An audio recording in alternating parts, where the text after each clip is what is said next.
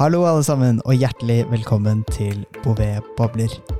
I dagens episode skal vi prate om teknologi. Og teknologi det er ofte assosiert med innovasjon, nytenkning og nyskapning. Men i dagens episode så skal vi prate om den litt mørkere siden. Har du noen gang hørt utsagnet 'teknologi skal redde verden'? Vel, i dag så skal vi prate om den motsatte siden. Og vi teknologer, vi er kanskje noen ganger litt for optimistiske. Og det er kanskje derfor det er nyttig med et annet perspektiv. I dagens episode så er det jeg, Johan Paramanathan, jeg er security lead i Bouvet, og Simen Sommerfelt, som er teknologidirektør, som skal prate med Kristin Bergtora Sandvik, eh, som er professor i kriminologi og sosiologi, stemmer det? Rettssosiologi. Rettssosiologi! Det var nesten. Det er en stor forskjell. Ja, Ja. ok. Men hei. Hei. Og i dagens episode så skal vi prate om eh, ja, den mørke siden av teknologi. Og vi kan jo egentlig begynne med deg, Simen. Eh, For den, eh, denne episoden her har jo et litt sånn uvanlig grunnlag. Ja, det var, hadde seg slik at eh, jeg var en del av en gruppe som uh, satte i gang denne, dette oppropet mot smittestopp. Det var eh, Johannes Brodvall i Soprasteria og Trond Vasskog i Beck og jeg. Og så ble vi kontaktet av Kristin, eh, for hun ønsket å lage litt, eh, finne ut litt av historien og, og, og tidslinjen rundt det som skjedde. Og vi hadde noen veldig gode diskusjoner. Og så nevnte Kristin for meg at hun var så overrasket over at vi ikke prøvde å prakke på henne noe humbug. For det var hun vant til med teknologer. Og jeg ble veldig sjokkert. Og tenkte jeg, hvor er det du, Hva slags teknologer har du møtt? Jo da, hun jobb, har jobba i bistandssektoren og har blitt forsøkt lurt av folk som skal selge teknologien sin. Fortell litt mer, Kristin. Hei. Ja, eh, I tillegg til å jobbe som, eh, på universitetet, så jobber jeg også på PRIO fredsforskningsinstituttet, hvor jeg er professor i humanitære studier. Og da har jeg jobbet veldig mye med humanitær teknologi. Um, for lenge siden så eh, skrev jeg noe som heter Postdoc om, om cyberkrigføring. og der, Dette er tilbake igjen i 2010. Og der møtte jeg jo svært mange eh, som ønsket å selge teknologi til det militære.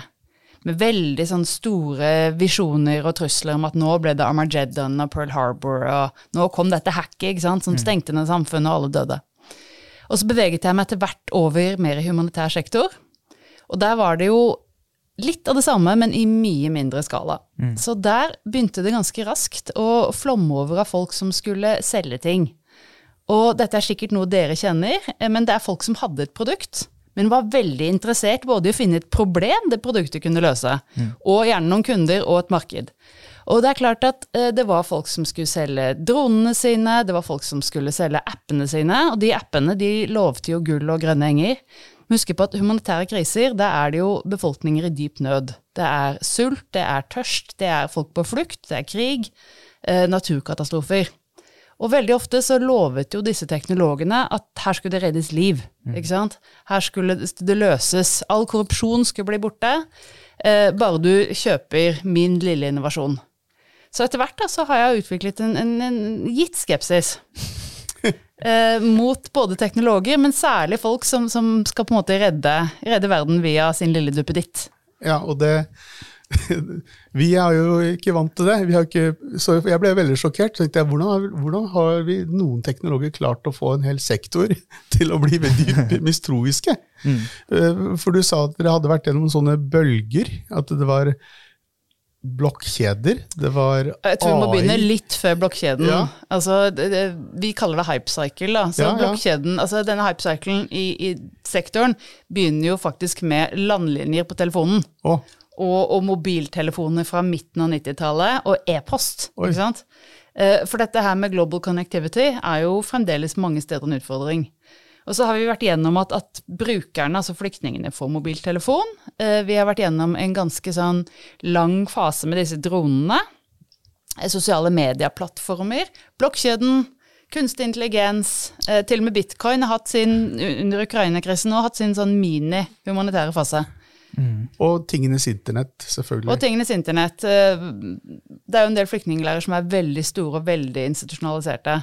Så Smart Housing, for eksempel, ikke sant. Um, som jo er en, har jo en annen side som gjør at de er i stand til å registrere ekstremt mye data. Og det de gjør, er at de utnytter lav innkjøpskompetanse, egentlig. Ja, altså det er jo en sektor som, som har enorme problemer de skal løse. Det er jo alltid mer kriser enn du har ressurser og penger til å håndtere.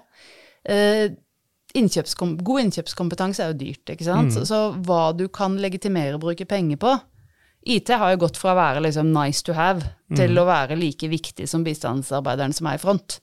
Men, men det er klart at det er jo ikke alltid like lett. Eh, særlig ikke når du er fullt av egne lands myndigheter som mener at du er nødt til å kjøpe, kjøpe lokalt. Eller kanskje det er sikkerhetsproblemer, eller du får ikke lov å handle med de som har lyst til å selge deg, eller du har ikke råd. Eh, men det er, ikke, det er jo mange sånne store markeder sant, hvor folk kommer med produktene sine. Og det er ikke alltid like lett å navigere. Men nå, nå flyr vi litt rundt her med hypecycler, og det har vært mye. Har du noen konkrete tilfeller hvor det har vært stor skade som har blitt gjort? Altså, du, du kan si stor skade eller stor skade, det er jo litt forskjellig, ikke sant. Sånn at vi har jo hatt eksempler på droner, eksempel, som har vært brukt for å overvåke truede dyrearter. Um, overvåke snikskyttere. Men det er klart at når, når den overvåkningsfilmen blir brukt etterpå til at politiet tar livet av disse snikskytterne, som er fattige mennesker, så er det jo et etisk dilemma. Um, mye av skaden er ikke nødvendigvis Det er jo de vanlige cyberangrepene, ikke sant, som når vi snakker om folk som kanskje er soldater, som er opprørssoldater, veldig sårbare kvinner, så er det jo selvfølgelig veldig problematisk når data kom på avveie. Men like problematisk er verste dronen jeg hørte om, var The Edible Drone. Ja. Det var noen som fant den opp, ikke sant? så de skulle sende den ut til sultne befolkninger, og så kunne de rett og slett spise dronen når den kom fram. ikke sant? Så, som er jo på mange måter et ganske vemmelig produkt. Men eh, å sløse masse penger på noe som ikke fungerer, som noe ikke, ikke er i, kan brukes, er jo også uetisk. Uh, men så er det rett og slett disse, disse tingene som f.eks. en helt sånn uforsvarlig datainnsamling.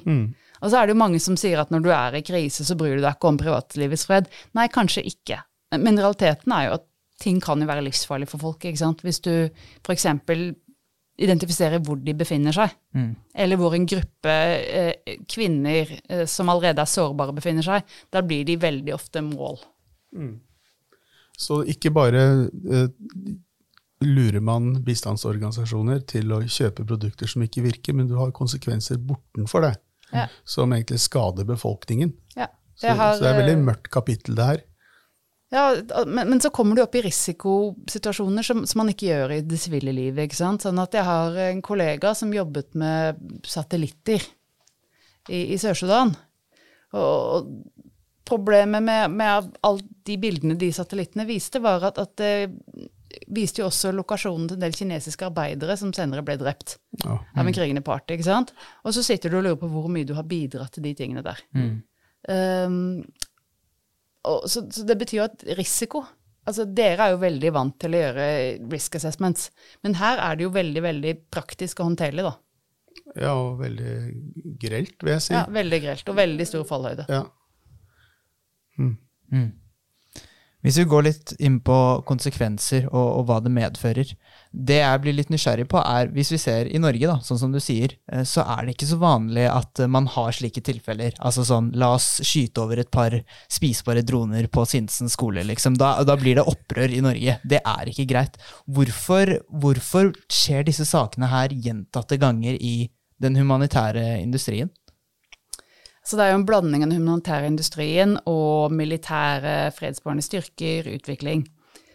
En av grunnene er jo at dette er jo mange av disse landene har tidligere vært kolonier.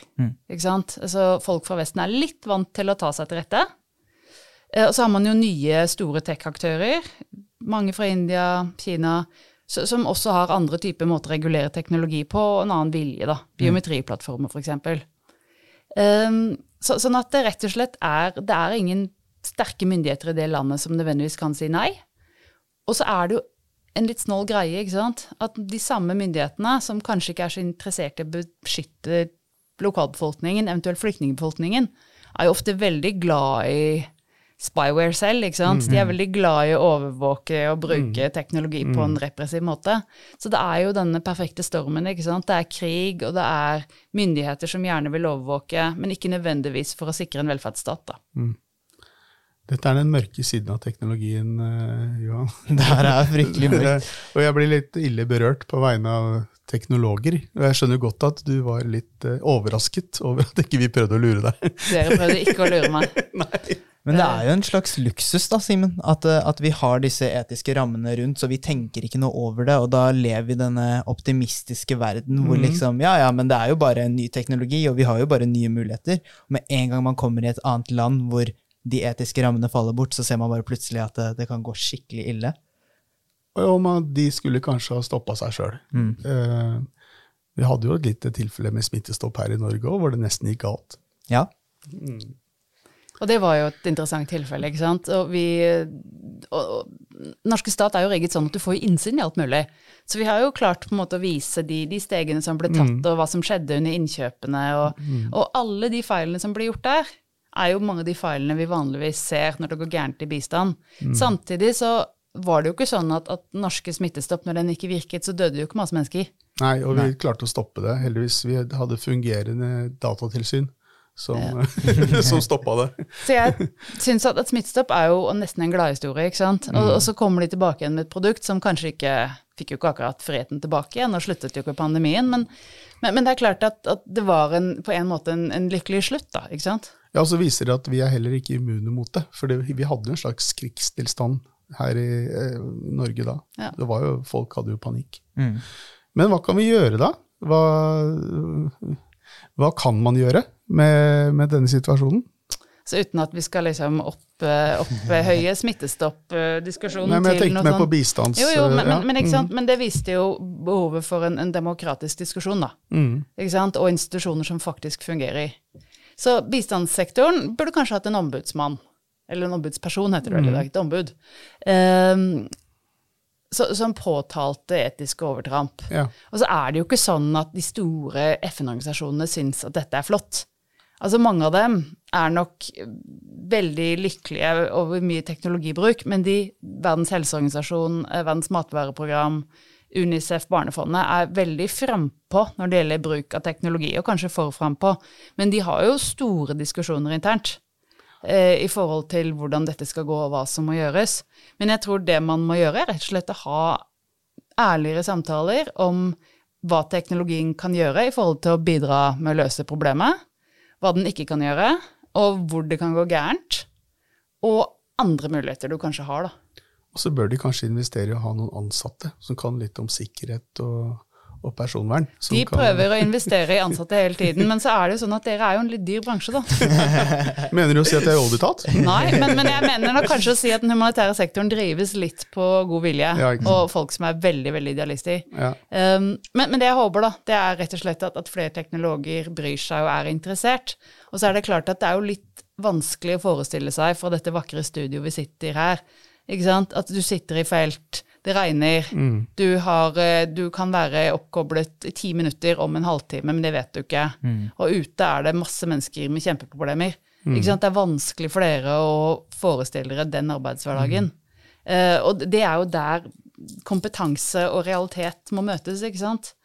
Og når du sitter og er i den feltsituasjonen, så tenker du kanskje at jeg bryr meg ikke om IT-sikkerhet. Mm jeg skriver dette på laptopen min selv om jeg ikke har lov. Ja. Mm. Um, men, men, det handler liksom om å ha disse diskusjonene, prøve å sette noen standarder. Hva er greit, hva er ikke greit? Mm.